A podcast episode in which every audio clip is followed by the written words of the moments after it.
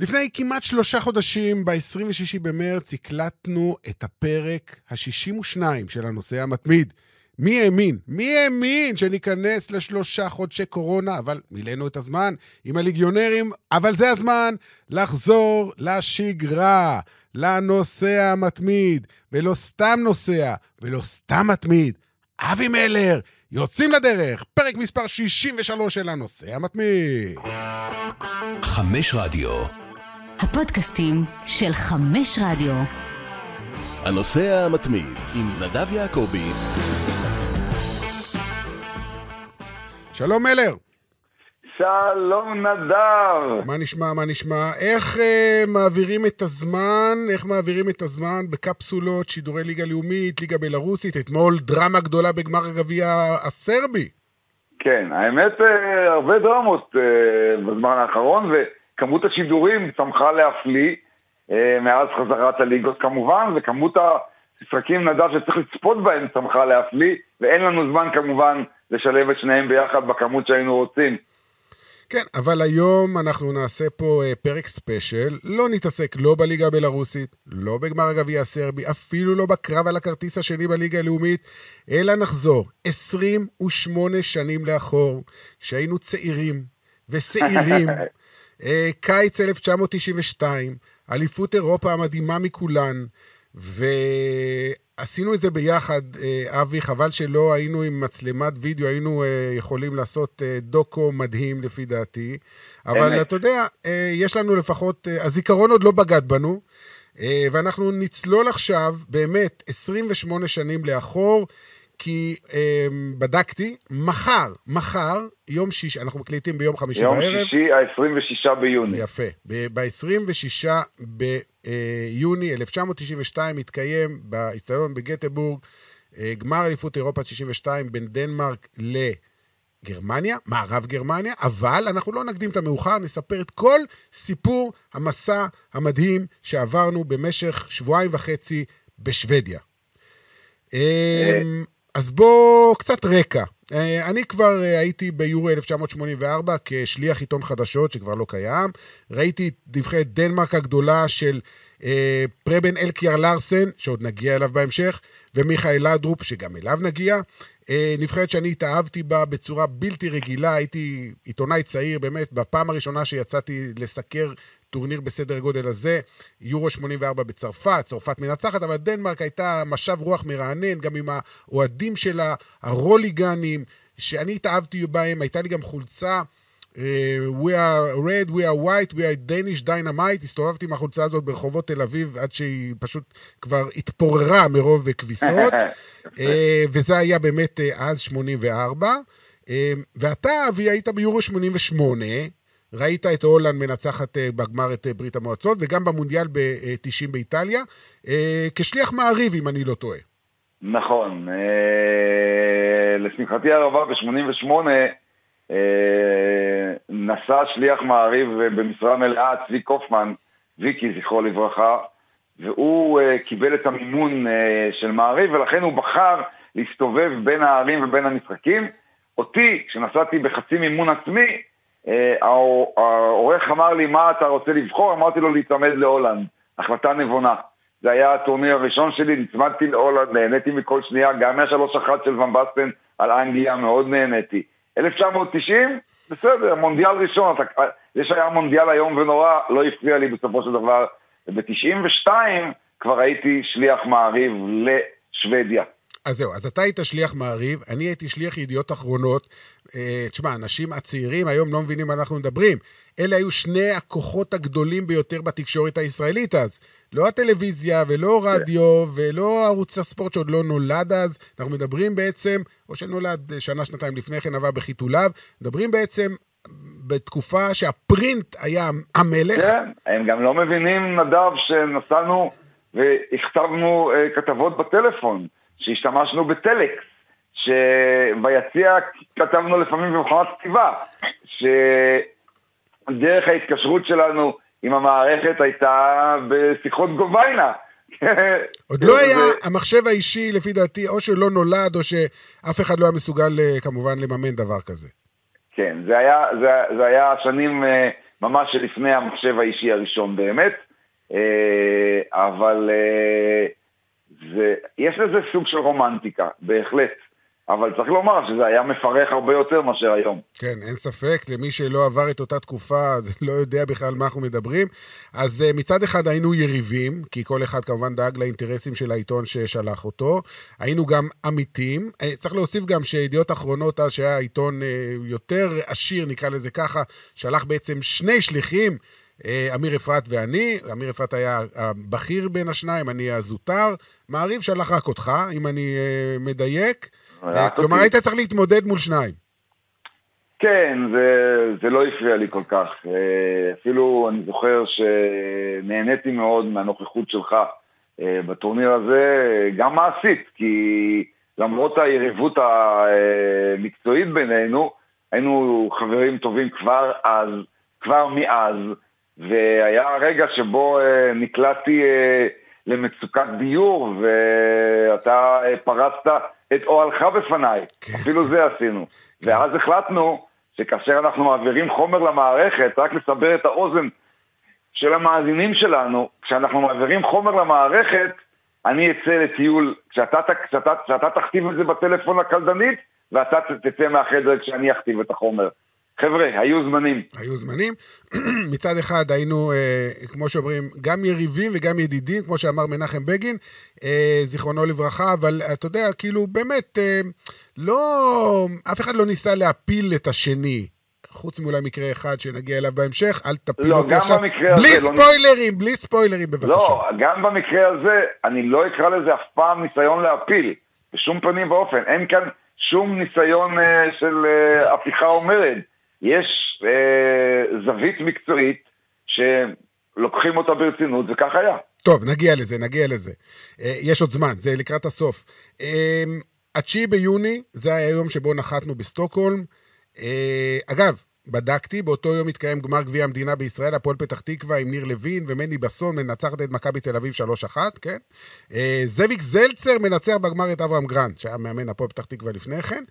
אה, אבל כמובן אותנו זה פחות עניין, אנחנו הגענו לסטוקהולם ובאווירה הבינלאומית הזאת, למי שלא מכיר... תגיד, תגיד, אם אתה כבר עוסק בנוסטליה, אנחנו טסנו ביחד? אני לא חושב. כן, כן, אני חושב שהיינו באותה טיסה, אם אני לא כן? טועה. כן, אוקיי. כן. ואני אומר, מי שלא מכיר את האווירה הזאת, שאתה מגיע לאירוע בינלאומי, מונדיאל או יורו, או גמר צ'מפיונס, זה, יש את uh, חדר התקשורת, אולם התקשורת, זה בדרך כלל איזה אולם ספורט או משהו כזה, עם uh, עשרות ומאות עיתונאים מכל העולם, וכולם ביחד, וזו אווירה מדהימה, אני מאוד מאוד אוהב את הדבר הזה, מעבר למשחקים עצמם. Uh, ואתה פוגש כל מיני שחקני עבר שהפכו להיות פרשנים, וזה כיף, יש לך גם המון אנשים לראיין, אם אתה רוצה, שזה גם כן חלק מהעניין.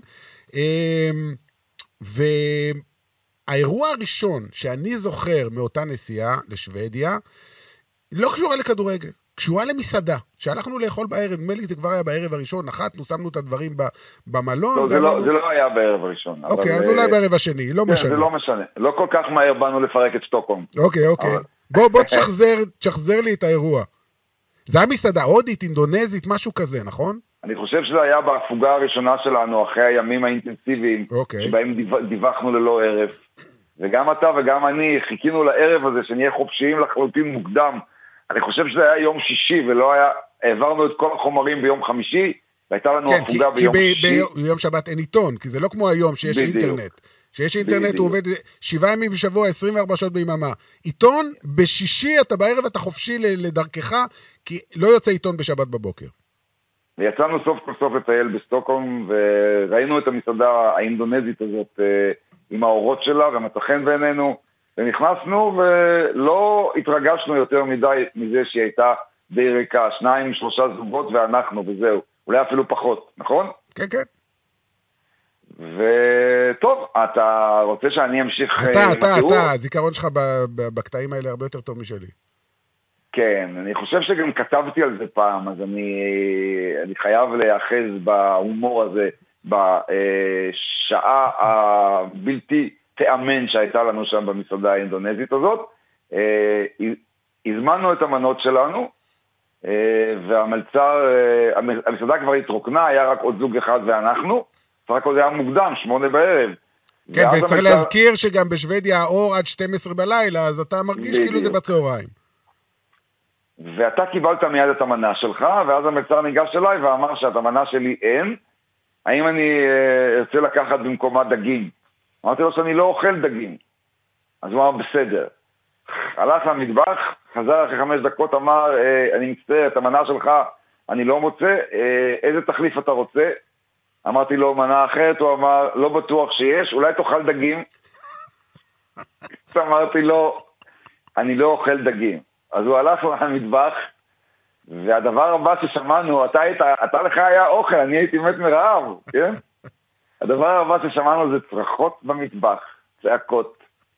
אה, שמענו לפתע סירים עפים, כן? ודלתות נטרקות, ואחרי עוד דקה או שתיים, המלצר יוצא מהמטבח למסעדה, מוריד את הסינר שלו, מעיף אותו באוויר, משאיר אותו מאחורה, וטורק את הדלת על המסעדה ויוצא. אחריו הבעלים, אותו דבר, כן? בקיצור, נשארנו במסעדה אינדונזית, שאני בלי אוכל, ואתה ואני סגרנו אותה, אני חושב, זהו.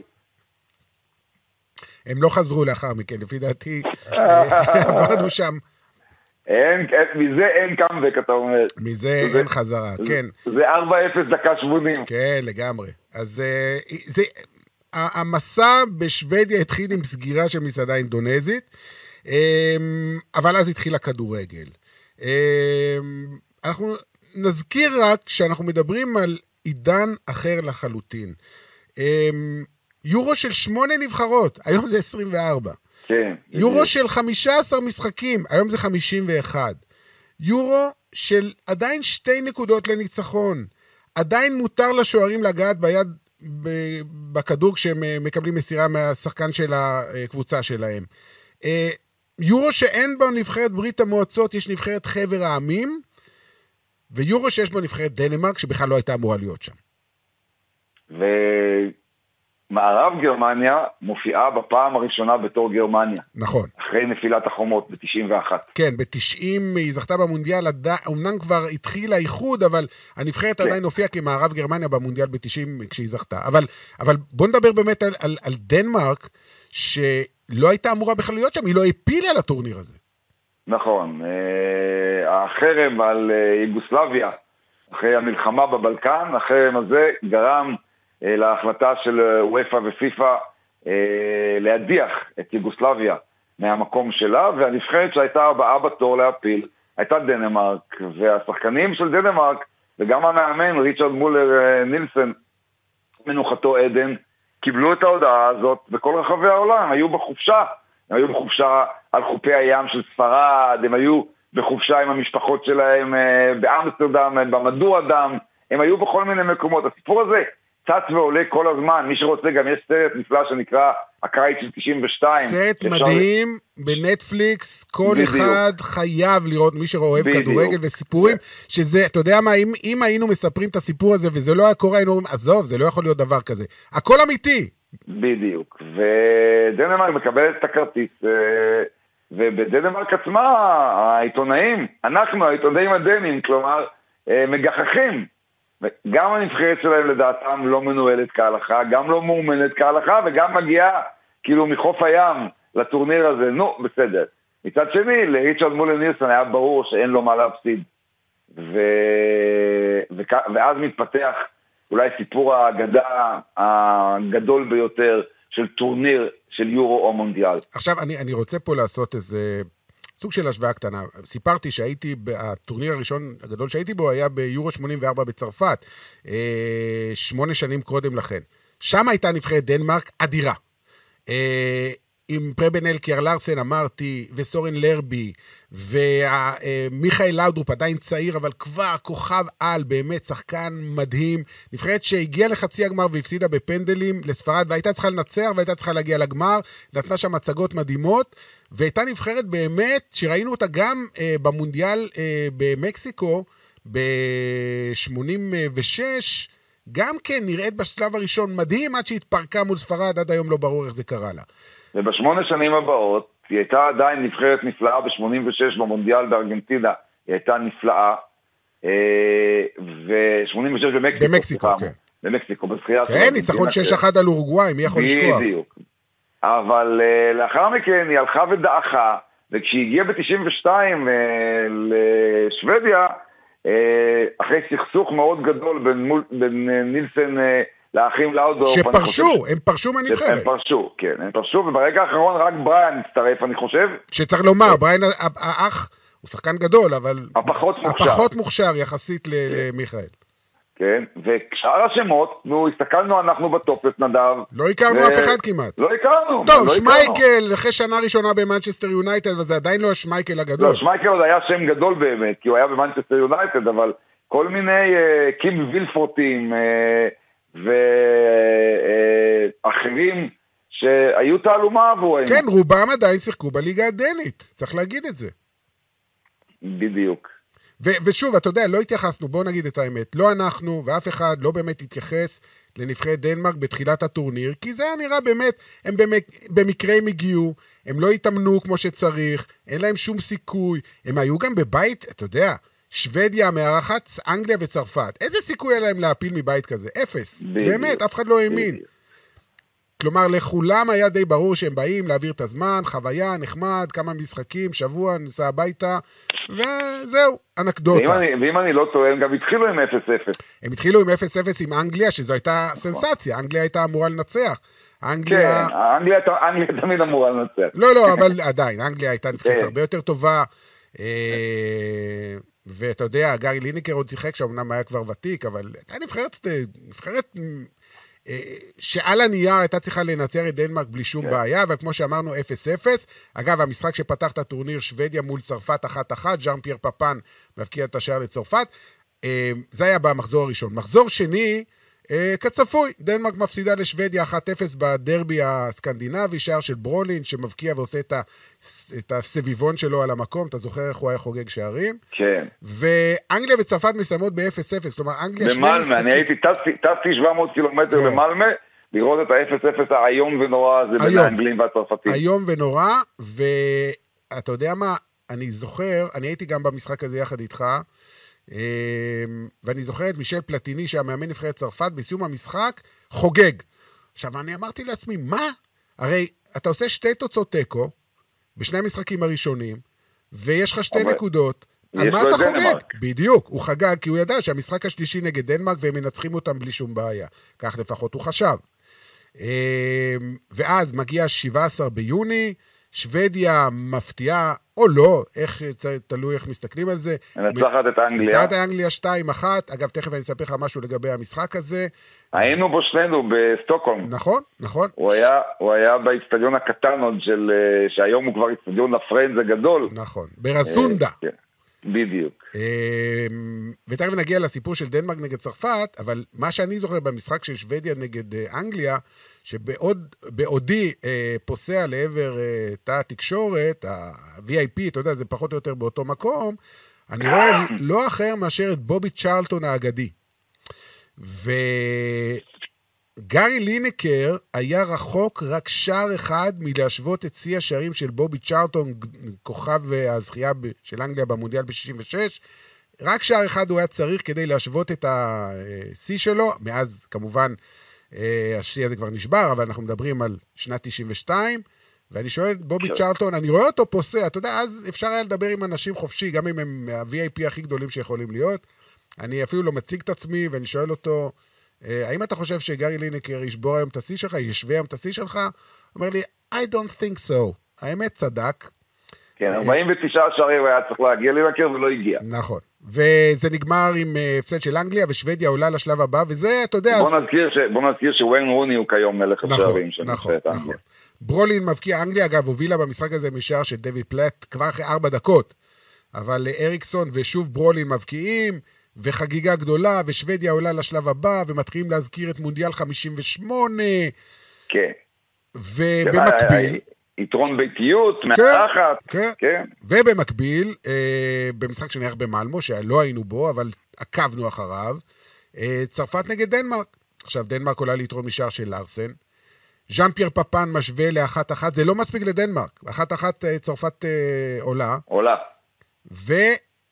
וריצ'רד מילו נילסן עושה חילוף שמפתיע את כולם, הוא מכניס את לארס אלסטרופ. ולארס אלסטרופ מבקיע עבורו את שער הניצחון בדקה ה-78.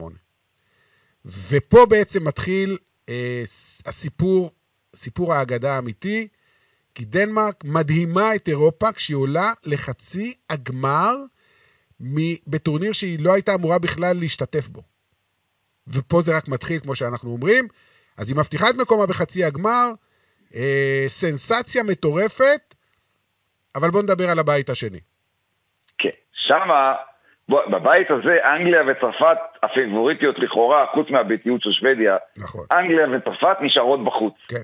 בוא נאמר שמהעבר השני של המתרס, בסופו של דבר היה כדורגל הרבה הרבה יותר יצירתי, ושתי הפייבוריטיות עלו לחצי הגמר. נכון. שם שיחקו הולנד, גרמניה, סקוטלנד וחבר העמים, כפי שזה נקרא אז, אחרי התפרקות ברית המועצות, אבל לפני שרוסיה הפכה להיות נבחרת עצמאית. אה, הולנד מתחילה עם ניצחון 1-0 על סקוטלנד, משער של דניס ברקאמפ. עכשיו, צריך לומר, אה, נזכיר לחובבי הכדורגל ההולנדי, זאת נבחרת הולנד שהייתה אלופת אירופה ב-88 עם רינוס מיכלס, נבחרת אדירה עם ון בסטן, עם רייקארד. עם קומן, נבחרת מטורפת. היא נכשלה במונדיאל ב-90, למי הפסידה במונדיאל ב-90? לגרמניה. היריבות הזאת בין הולנד וגרמניה נמשכת עשרות בשנים, עם הרבה הקשרים גם פוליטיים והיסטוריים, אבל נעזוב את זה. עד היום, נדב, תן לי להכניס את הקריאת ביניים הזאת. בבקשה, בבקשה. עד היום, המשחק בסן סירו, בשמינית גמר המונדיאל בין מערב גרמניה להולנד, הוא המשחק כדורגל הטוב ביותר שראיתי אי פעם באיצטדיון. וואו, זה, הש... זה, למ- ה- זה המשחק למרות, של... למרות הניצחון של גרמניה 2-1. כן, זה עם היריקה של רייקרד על. על רודי פלר, נכון? בדיוק. לאותו משחק, יפה. אה, אז הולנד אה, מנצחת את סקוטלנד 1-0, לא מפתיע את אף אחד כמובן. רינוס מיכלס עדיין מאמנה של נבחרת הולנד. רינוס מיכלס הגדול, האגדי, הוא לדעת רבים גדול מאמני כדור, הכדורגל ב, בכל הזמנים, בכל העולם. אה, אנדי רוקסבורו, אגב, היה מאמן של נבחרת סקוטלנד באותם שנים. אה, לא מפתיע. אה, כן מפתיע המשחק בין גרמניה וחבר העמים, שמסתיים באחת-אחת. אני הייתי במשחק הזה, אה, בנורשפינג, נסעתי לנורשפינג. אה, דרמה אדירה, אה, שדווקא חבר העמים מוליכים בדקה ה-64 משער של איגור דוברובולסקי. דימיטרי חרין עם הצגה מטורפת בין הקורות, אבל אה, הסלר משווה בדקה ה-90, ממש בדקה ה-90, לאחת אחת. גרמניה פותחת, אפשר להגיד, די בצליעה את הטורניר, אבל מתקנת במחזור השני ניצחון 2-0 קליל על סקוטלנד, משערים של רידלה ואפנברג. אבל אני רוצה לדבר דווקא על הולנד. אה, הולנד חבר העמים 0-0, ואנחנו מגיעים למחזור השלישי. המשחק אולי של הטורניר, שמתחבר ומתקשר לכל מה שדיברת קודם, המשחק של הטורניר מבחינת אולי אה, ש... עוצמה של שתי נבחרות. הולנד גרמניה. כן. אז 18 ביוני בגטבורג.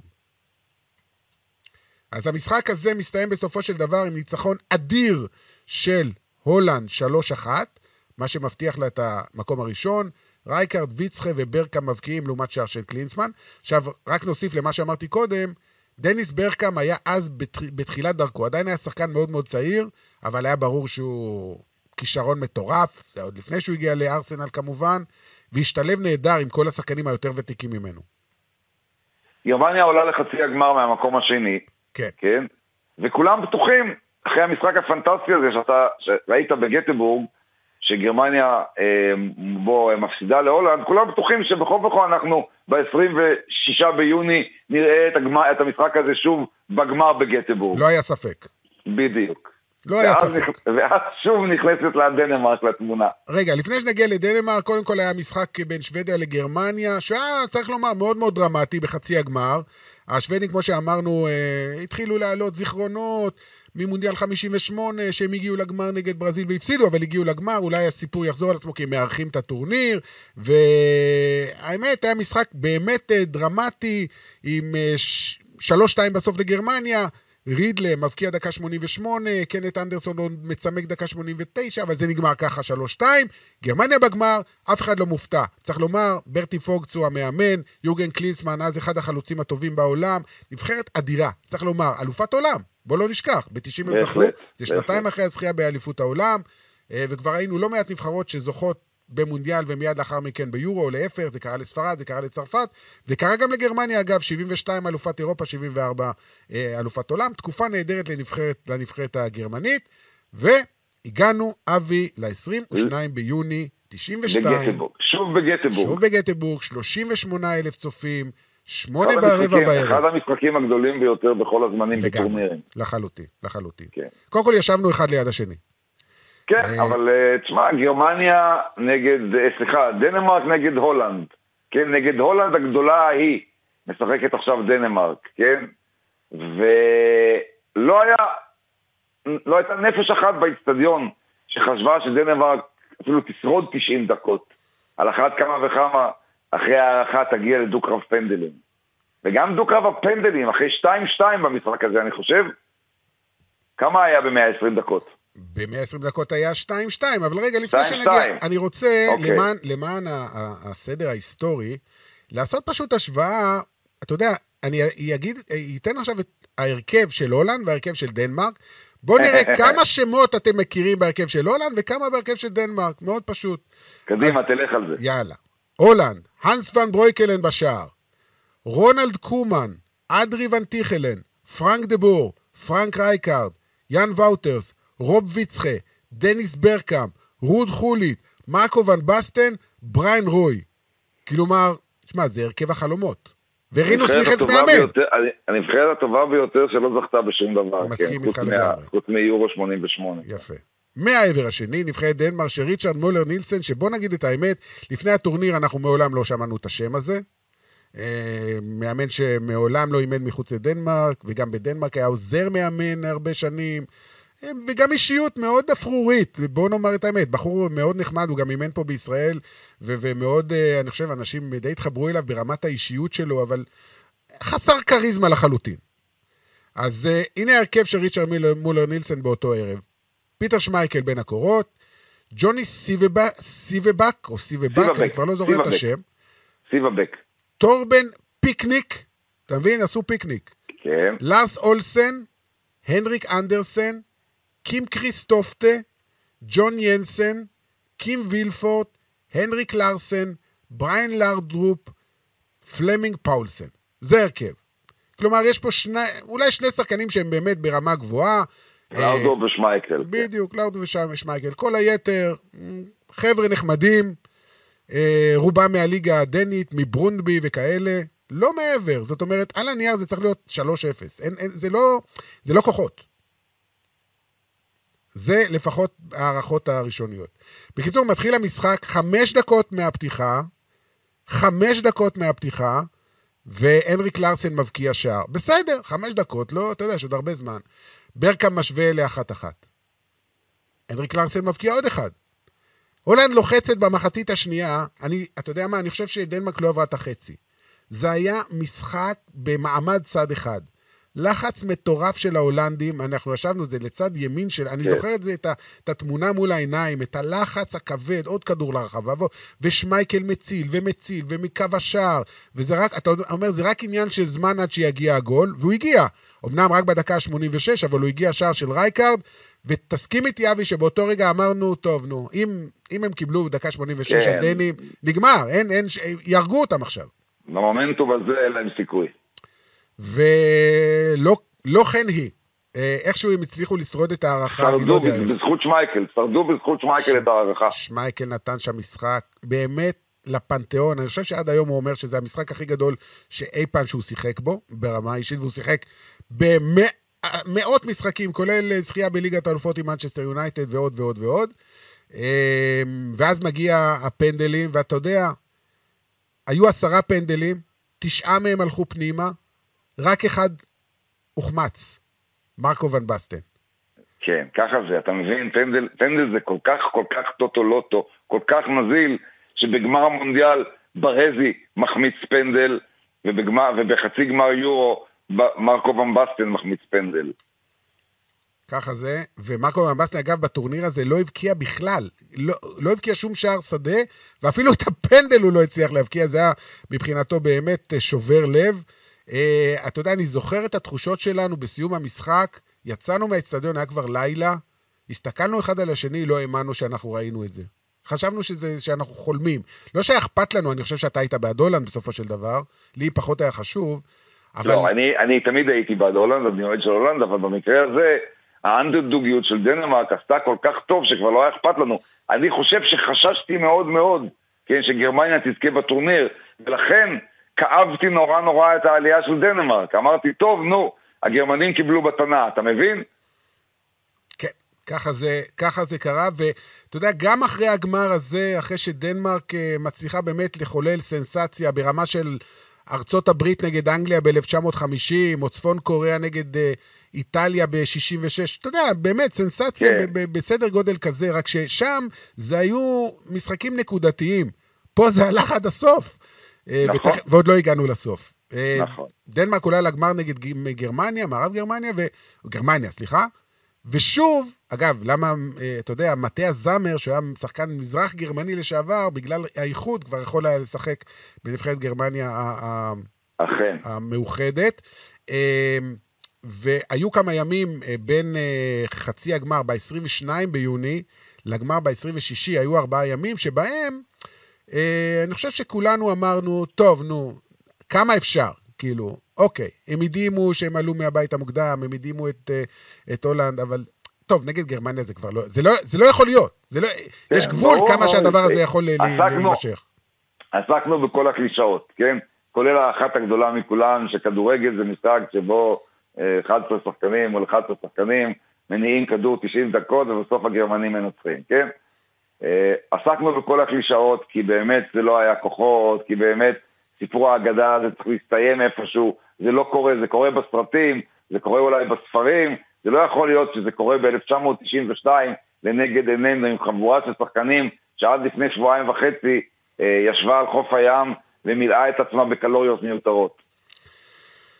אה, תכף נגיע לגמר, ל-26, שביום שישי הזה אנחנו חוגגים לו 28 שנים. אני מניח- מניח שגם בדנמרק יעשו אירועים לכבוד העניין הזה, אבל אני רוצה לקחת אותך דווקא לימים בין חצי הגמר לגמר.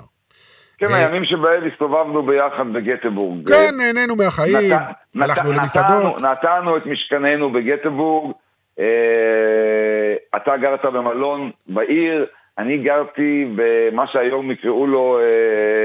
אה, Airbnb. Airbnb, בדיוק, אצל אה, משפחה ששכרתי ממנה חדר, והיה לנו כיף, כי היו, היו ארבעה ימים, היה זמן, ובתוך כל הכיף הזה, אה, אתה עסקת, אני שמתי יותר דגש על אה, כתיבה דעתנית וקצת כיף ברחובות, ואתה סידרת לעצמך את אחד מציוני הדרך הגדולים בקריירה שלך. האמת שזה היה מאוד מקרי. אה, זה מתחבר למשהו שדיברנו בתחילת הפוד, הפודקאסט, ומי שככה האזין טוב, אז אה, יכול לחבר עכשיו את החוטים. אה, זה היה יום או יומיים לפני, או שלושה ימים לפני הגמר. הגעתי ל... למרכז העיתונות, זה היה דווקא בערב. אה, אתה יודע, לקחת אה, כל מיני דפים מודפסים של הוועדה המארגנת, אה, אולי להעביר חומרים, כי מחשבים לא היו, ב... לא היו מחשבים ניידים, אז באזור ההוא היו מחשבים שהיית יכול להתחבר אליהם. ואז אני רואה שם מסתובב איזה בחור, והוא פונה אליי, ואומר לי, תשמע, אני מייצג פה את ויזה, היא אחת הספונסריות של הטורניר. אמרתי לו, בסדר, מאיפה אתה? אני אומר לו, אני מישראל, מעיתון מישראל. אומר, תשמע, יום לפני הגמר, ב-25 ביוני, שזה בדיוק היום לפני 28 שנה, אה, מגיע לפה פלא, שהוא עובד, הוא סוג של פרזנטור של ויזה, ואנחנו רוצים, אנחנו מארגנים אה, ראיונות איתו, אה, לא אחד על אחד, אלא כמה מהאנשים מאותה, מכמה מדינות, אבל רק אחד מכל מדינה. וואו, נעמדו לי האוזניים. אחד מהחלומות שלי היה לפגוש את פלא ובטח לראיין אותו, אבל הייתה לי בעיה. ולבעיה קראו אבי מלר. אה, אז קודם כל אמרתי לו, בוודאי, איזה שאלה. הוא אמר לי, מחר בשעה חמש אחר הצהריים, בהילטון, בקומה 12, לא זוכר, לקחו שם איזה סוויטה, תגיע, אני רושם את השם שלך, וזהו. בסדר, תקשיב, נאלצת לעבוד עליי קצת, בסדר, זה, נאלצת לעבוד עליי כדי שאני לא יודע איפה אתה נמצא בין השעות 6 ו-8 בערב. נפרדו דרכנו, אבל אני חושב שאמרתי לך כבר אז, כן? אה, הייתי עושה אותו דבר, אין פה, אין פה מקום, זה לא עניין של בגידה בחברות או משהו, כן? זה סוג של חלק מהעבודה והתחרות שנמצאת בעיתונות במקצוע הזה, ולא היה שם, אני חושב שאם היית מספר לי שאתה הולך לרעיון הזה עם פלא, הייתי כבר יודע שמדובר באדם אחד במדינה אחת, והייתי צריך לבלוע את הקש הזה אפילו לפני שאתה הולך. אז בלעתי אותו אחרי שחזרת. זה לא כזה נורא. כלומר, זה בשום פנים ואופן לא היה משהו שנעלבתי בגללו. כן, טוב, תכף נגיע לתגובה שלך, אבל uh, אתה יודע, 28 שנים אחרי... אתה, גם... צריך, אתה צריך להזכיר לי את התגובה שלי, כן, וואלה. בסדר. שמע, אל תשכח שהעלינו את זה גם על הבמות. Uh, בכל מקרה, הגעתי כולי, uh, אני חייב להגיד, בהתרגשות מטורפת. אה, לאותו מפגש, ואכן היינו כמה עיתונאים, אחד מהולנד, אחד ארה"ב, אני לא זוכר בדיוק מאיזה מדינות, נכנסנו פנימה לחדר, והיה שם כיבוד ושתייה, לקחו שם אה, סוויטה גדולה. שוב, אה, אתה יודע, זה יחסי ציבור של, של ויזה, וזה בסדר, ככה זה עובד. צריך להזכיר, החזרה של פלא לשוודיה היא מאוד משמעותית. כי ב-1958, הילד בן ה-17. בדיוק, אז הוא בעצם נגלה לעולם, וזה המקום שבו הוא נחשף, ושם הוא זכה במונדיאל הראשון שלו, ויש לו, לו חיבור למקום. אמ, ואז אנחנו מתיישבים בחצי מעגל כזה מולו, אה, כן, הוא יושב עם, אה, מולנו, מול חמישה עיתונאים. ולפני שמתחילים את הריאיון עצמו, שכל אחד שואל שאלה בזמנו החופשי, אני ככה עזרתי עוז, ופניתי אליו בפורטוגזית, שאני מדבר קצת, מהתקופה שהסתובבתי בברזיל, והוא מאוד הופתע. אה, הוא מדבר אנגלית, כל הרעיון היה כמובן באנגלית. כן. אבל אתה מדבר איתו בשפת אימו, והוא שאל, מאיפה אתה? כאילו, עכשיו, אולי אני מפורטוגל. אמרתי לו, לא, אני מישראל. אז הוא התעניין, מאיפה אתה יודע? אז סיפרתי לו, והתחלתי לשאול אותו, היה איזה small talk כזה של איזה 2-3 דקות לפני שכולם התארגנו, שאלתי אותו לגבי, אני מכיר כל כך טוב את כל אה, ההיסטוריה שלו וסיפור חייו, הוא נולד בעיירה קטנה בשם טרייס קורסויש, שזה שלושה לבבות שנמצאת במחוז מינאס ז'ראייס, ותמיד עניין אותי, כי הוא עבר לסנטוס, שזה בסאו פאולו, והוא מעולם לא חזר בעצם למקום שבו הוא גדל בתור ילד. וסתם שאלתי אותו, תגיד, יש לך עוד שם משפחה? אתה מגיע לבקר? הוא אמר לי, כן, יש לי שם איזה דודה, אני פעם בשנה מגיע. אתה מבין על איזה דברים כן, דיברתי עם פלא על כן. דודה שלו.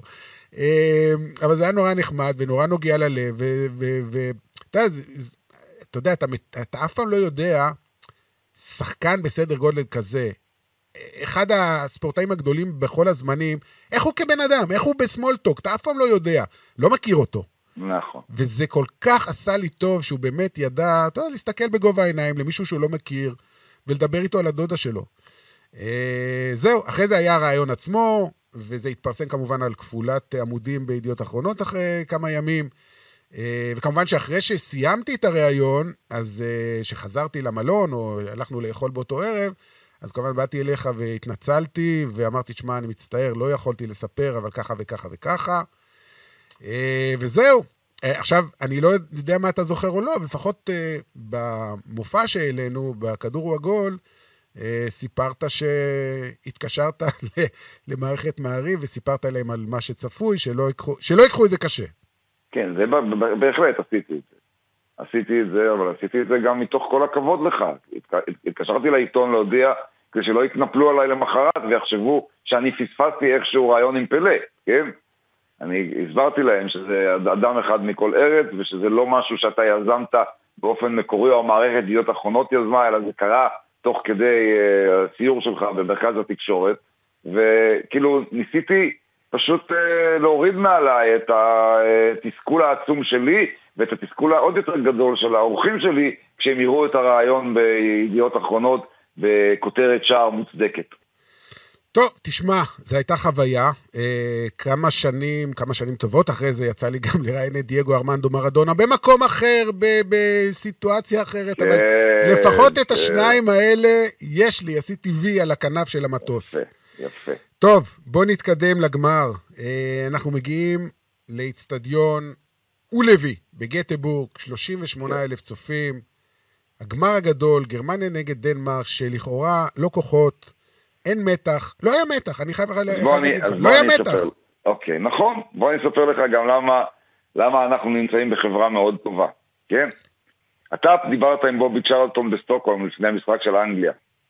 אני, בדרך לאיצטדיון בגטבורג לגמר בין דנמרק לגרמניה, אה, צעדתי ולידי צעד אה, דניס לאו. החבר הכי טוב של אה, בובי צ'רלטון במאצ'סטר. נכון, נכון.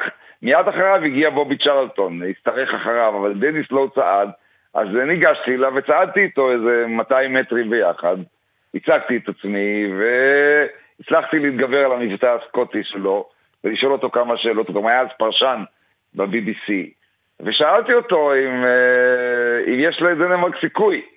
והוא אה, נפנף את זה הרבה יותר ממה שאנחנו נפנפנו את זה, כן? כלומר, הוא, אה, הוא, הוא באמת באמת הסתכל עליי אה, בתימהון, אם אני באמת מחכה לתשובה ממנו. ואז הוא אמר את מה שאתה אמרת. הוא אמר, they will be happy with free deal.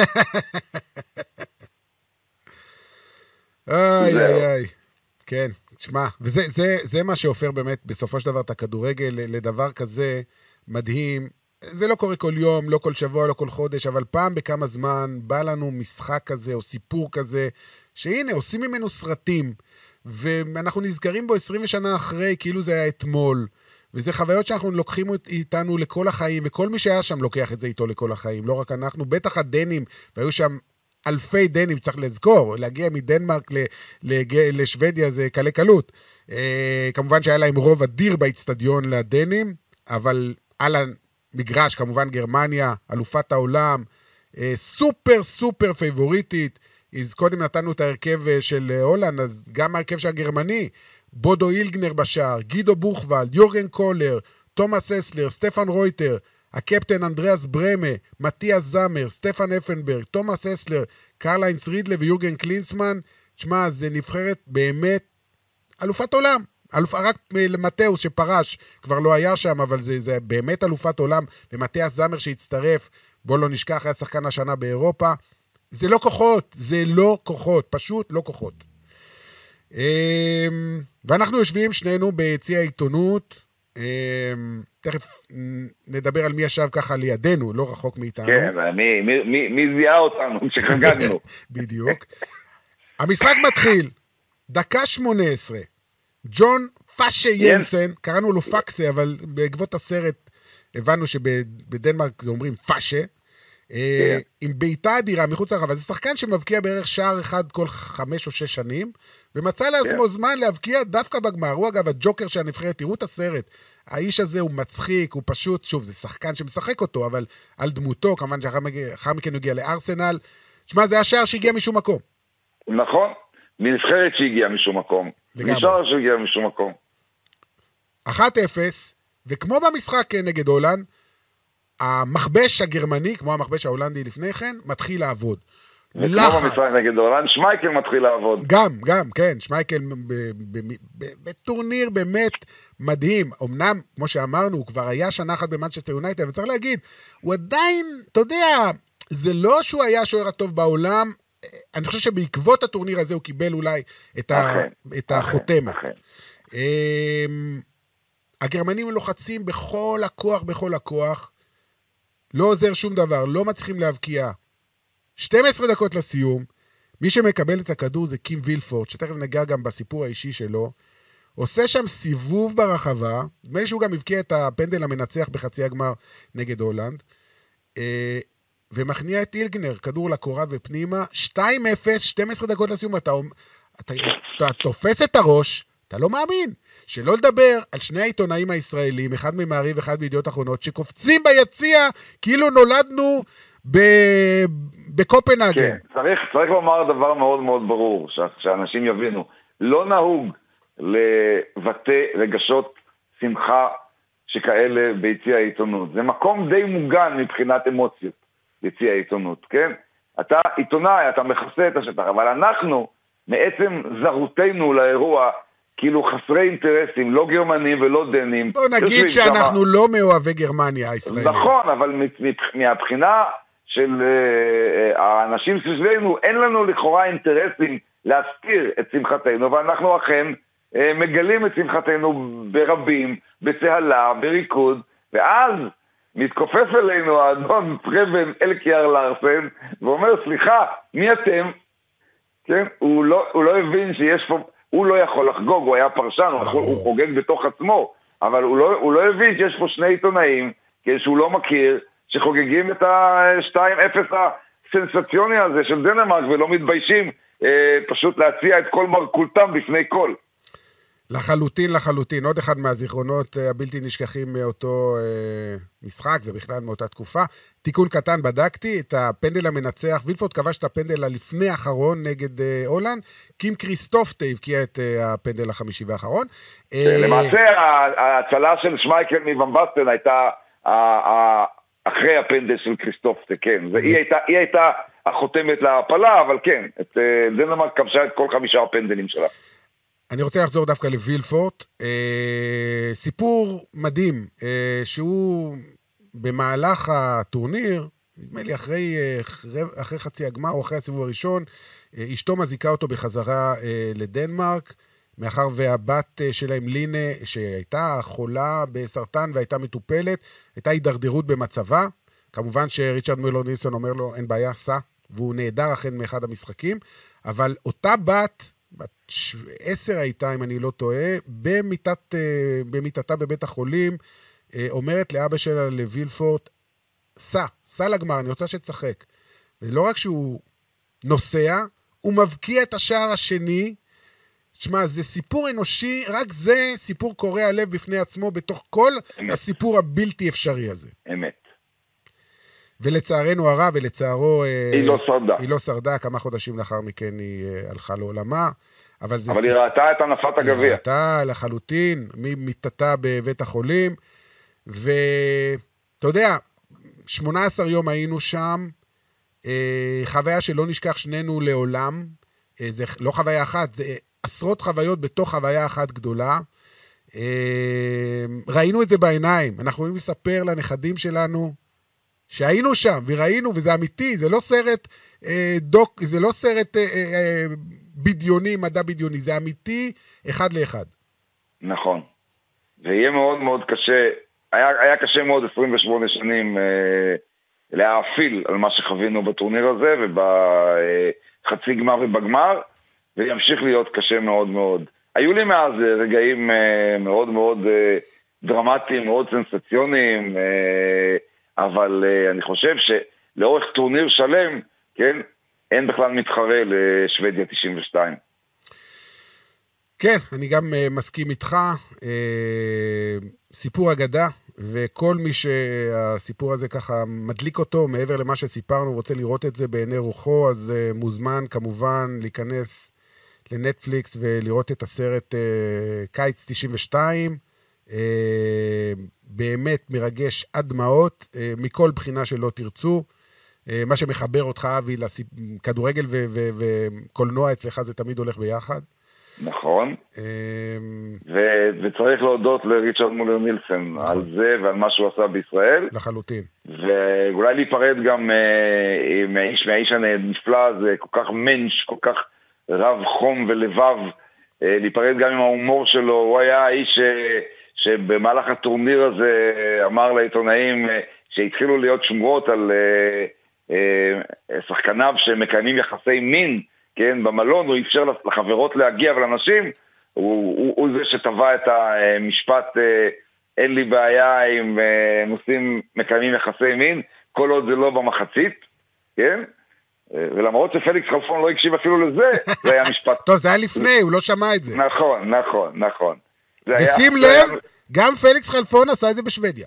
נכון, נכון. שים לב, שים לב. זה עדיין היה משפט מכונן וטורניר מכונן, ואני מודה לך שצירפת אותי לנסיעה הזאת אה, בשבילי הנוסטלגיה. כן, ככה זה בנושא המתמיד. נוסעים לכל מיני מקומות ונוסעים גם בזמן. אבי מלר, תודה רבה. מחר אנחנו, מחר יום שישי בדיוק, 28 שנים לגמר יורו 92. דנמרק המופלאה מנצחת את גרמניה, אנחנו לא נשכח לעולם. תודה אבי, תודה גם אה, לליז חסון. אה, אנחנו כאן, כן, חזרנו, הנושא המתמיד. שבוע הבא עוד פרק, תהיו איתנו. יאללה ביי. ביי.